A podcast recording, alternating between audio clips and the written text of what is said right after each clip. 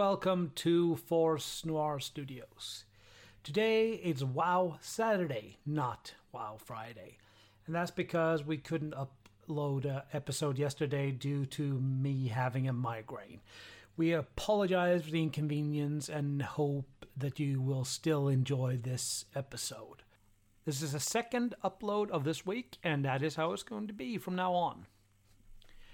Last time we talked about the Keepers, how they won and imprisoned the Elemental Lords, and how they defeated the Aqir. So, we are off to Azeroth.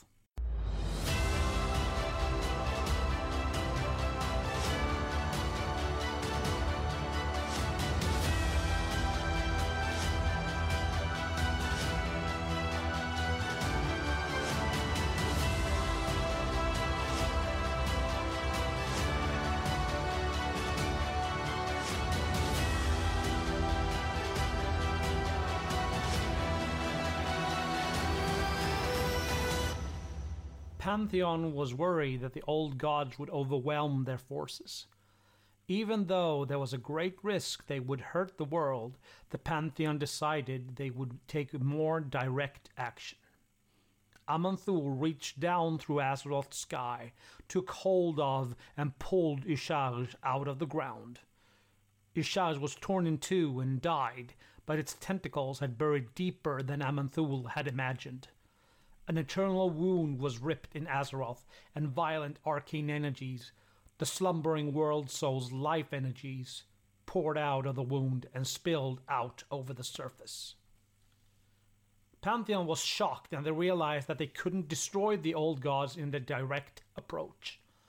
They had embedded themselves so deeply into Azeroth that if they were ripped out of the ground, it would kill the planet. The only alternative that remained was to imprison the old gods where they were and seal them away for all time. They immediately put their plan into action. The Titanforge attacked the old gods directly, and when they had been weakened, Archaedas created a subterranean prison where the old gods were imprisoned. Mimiron placed colossal machines that kept old gods immobilized, and lastly, Loken placed an enchantment on each prison that neutralized the old gods' evil. N'Zoth and C'Thun were imprisoned, and the Titan Titanforge turned their attention toward Yogg-Saron.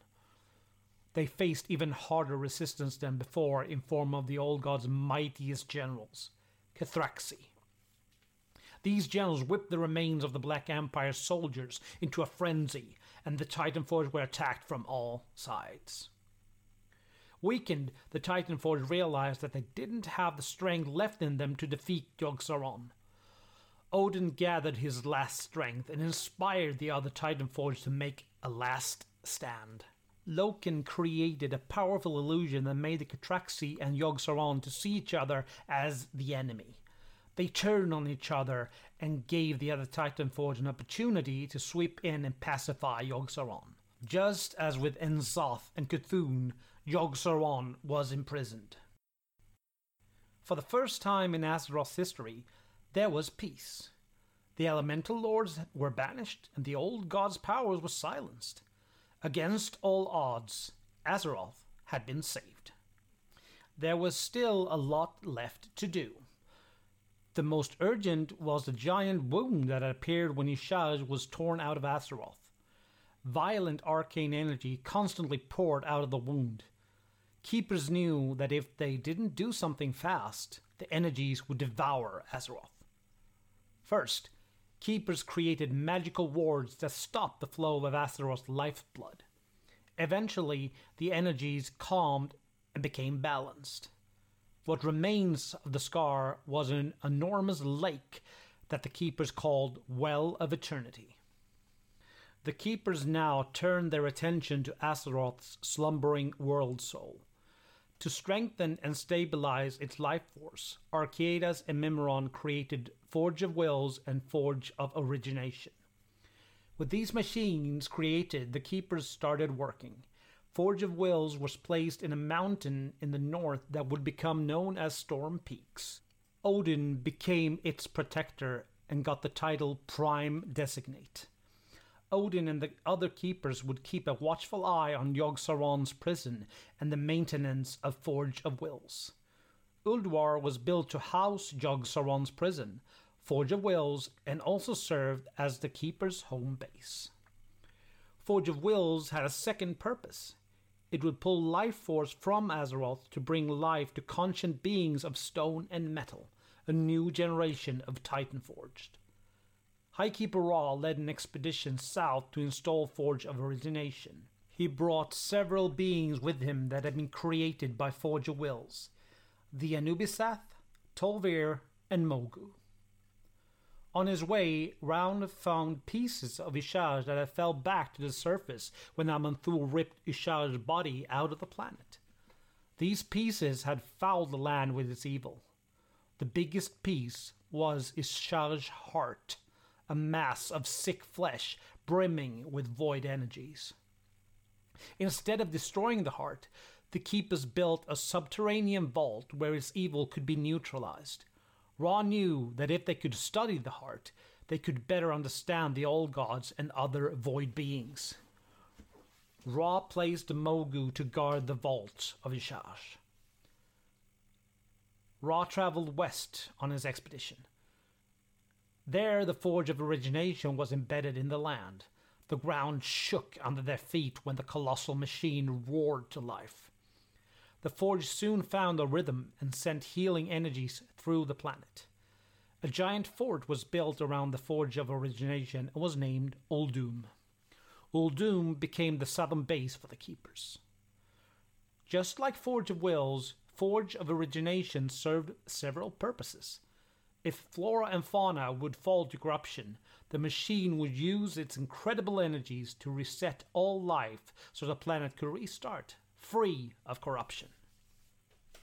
Tol'vir and Anubisath became Uldum's guardians. Ra and the rest of his servants traveled northwest to the area that would be known as Silithus. This is where the underground prison that had been built around C'Thun was located. Ra and his servants expanded the prison, and Ahn'Qiraj was created. When their work was done, Ra placed the rest of his Titan Forge to guard the site.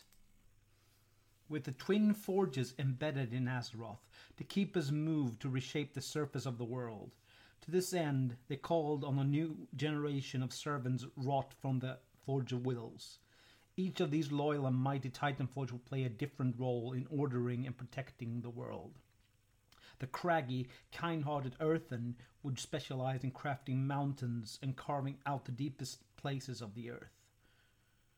The clockwork mechagnomes designed by Keeper Mimiron would help build and maintain the Keeper's extraordinary machineries. The stone skinned Mogu would dig out the myriad rivers and waterways of Azeroth. The task of safeguarding many of the keeper's holdings would fall to two different groups of constructs the iron skinned Vrykul and the chiseled Tol'vir. To shape the environment, the keepers also inscripted the powerful stone and sea giants. They would roam the breadth of Azeroth, lifting towering mountain ranges and dredging out the fathomless seas. Titanforge started shaping Azeroth, and Keeper Freya set out into the world to create organic life. For this purpose, he created the Emerald Dream, a dimension of spirits and nature magic. Emerald Dream was created as a mirror image of Azeroth, filled with spirits and strange creatures. In the Emerald Dream, things like time and space worked very differently. A day in the physical world could be a decade in the Emerald Dream. Everywhere the energies from the Well of Eternity gathered, they, it turned into the perfect places to create new flora and fauna. Freya created life with immense diversity. These places came to be known as Un'Goro Crater, Sholazar Basin, and Vale of Eternal Blossoms. The biggest of these creatures to come from these places were named wild gods. Freya loved the wild gods as if they were her own children, and they wandered the physical world together. There was one place they favored above any other Mount Hyjal.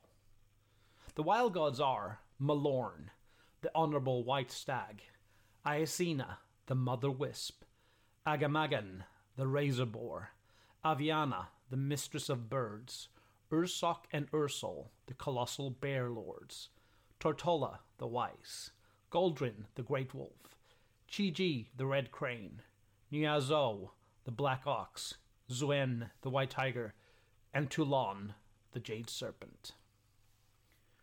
Freya bound the wild gods to the Emerald Dream at Mount Hyjal. Wild gods explored the world and ran into many strange life forms. These creatures came from Azeroth's elemental past. Their rage had lessened with the passing of time, and they had turned into creatures of flesh and blood. From these elementals, certain wild animals were created. One of them were the proto dragons. In time, the keepers and their servants stabilized Azeroth's main landmass, a continent that teemed with plants and creatures of every kind. Twilight fell as the Titanforge surveyed the world they had shaped, and they named the primary continent Kalimdor, land of eternal starlight. Satisfied with the Keeper's progress and assured that the slumbering world soul was in good hands, the Pantheon prepared to set off into the great dark beyond again. They were eager to continue their search based on the evidence that Azeroth had provided them. They were now sure there were more Titans out there. Loken and Mimiron created the Discs of Norgannon that would document all of Azeroth history as it happened. As a last act before setting off, Aman'Thul placed Algalon the Observer to serve as Azeroth's celestial guardian. If Azeroth's world soul would be corrupted, Algalon were to start the process that activated Forge of Origination, and all life and corruption would be destroyed. Pantheon said their goodbyes to the Titan Forge and disappeared out into the universe.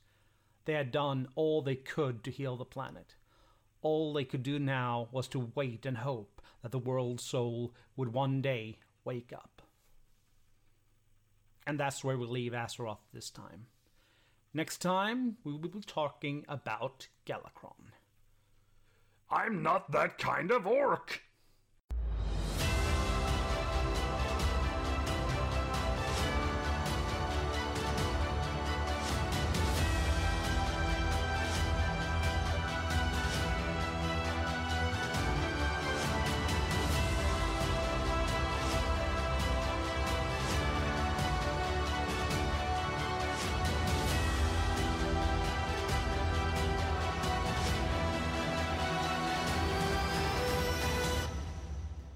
Thank you for listening to today's episode.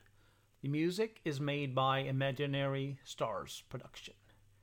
I hope you can forgive the quality of this recording as it is done as I was getting better from a migraine.